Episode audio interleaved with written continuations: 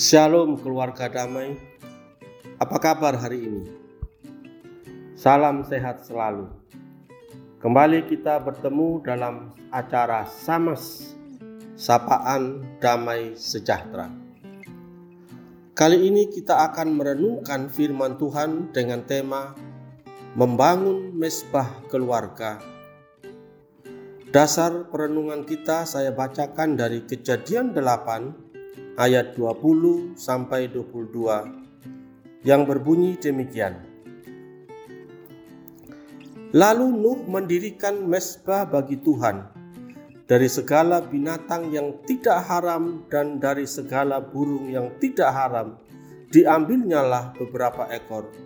Lalu ia mempersembahkan korban bakaran di atas mesbah itu ketika Tuhan mencium persembahan yang harum itu berfirmanlah Tuhan dalam hatinya Aku takkan mengutuk bumi ini lagi karena manusia sekalipun yang ditimbulkan hatinya adalah jahat dari sejak kecilnya.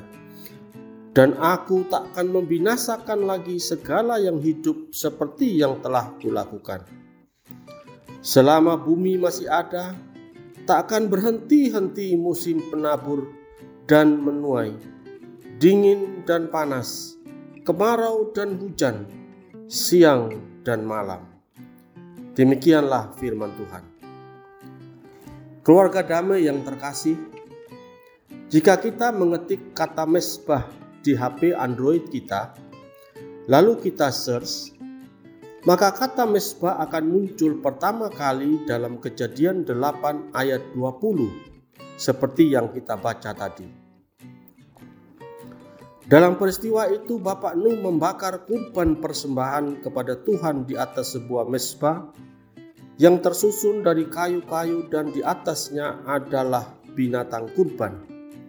Kira-kira demikian. Yang perlu kita cermati adalah bahwa Bapak Nuh melakukan itu tidak sendirian, tetapi bersama dengan keluarganya, yaitu istri, tiga anak, dan tiga menantunya yang selamat dari peristiwa air bah. Dalam peristiwa itu ada beberapa unsur yang tampak, yaitu ada kurban persembahan, ada persekutuan keluarga, ada penyembahan, ada ucapan syukur, ada Tuhan yang mencium dan menikmati persembahan itu. Sehingga yang terakhir ada berkat Tuhan yang diucapkan sebagai janji pemeliharaannya atas bumi dan segala isinya sampai hari ini.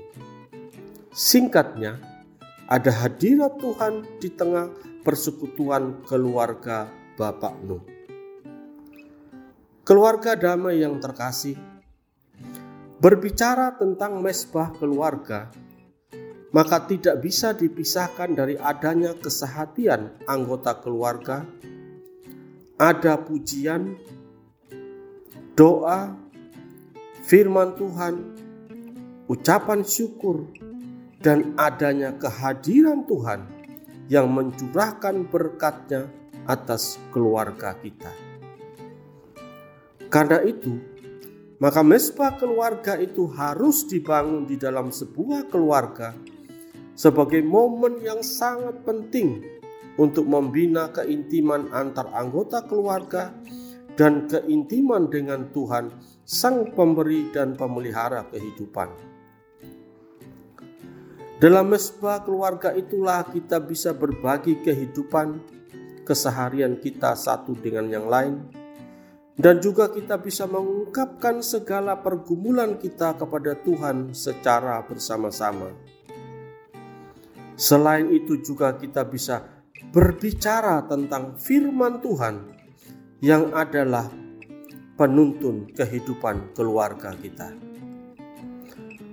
Keluarga damai yang terkasih, kalau kita mau mendata, ada beberapa momen penting yang ada dalam keluarga kita. Ada makan bersama, ada pergi bersama, ada bersantai bersama sambil mengobrol, dan ada saat teduh bersama di hadapan Tuhan, yaitu mesbah keluarga. Hal yang terakhir ini jangan sampai terlewatkan, apalagi dilupakan, karena inilah yang menjadi pengikat kita yang paling kuat, karena diikat oleh kasih, yaitu kasih Kristus sebagai kepala keluarga kita. Marilah kita sehati untuk membangun mesbah keluarga kita. Caranya bagaimana? Sediakanlah waktu dan tenaga, bukan sisa waktu atau sisa tenaga. Tentukan tempat yang tenang dan teduh, jauh dari gangguan apa pun. Matikan semua penghalang seperti HP, telepon, kompor, televisi, mesin cuci, dan lain-lain yang dapat membuyarkan konsentrasi kita saat berfokus kepada Tuhan. Berbagai tugas dan sharing akan sangat menyenangkan sehingga kita merasa ikut memiliki mesbah keluarga kita. Dengan demikian, maka keluarga kita akan kuat secara spiritual dan terpelihara di dalam anugerah Tuhan dalam keadaan apa pun juga. Amin. Mari kita berdoa.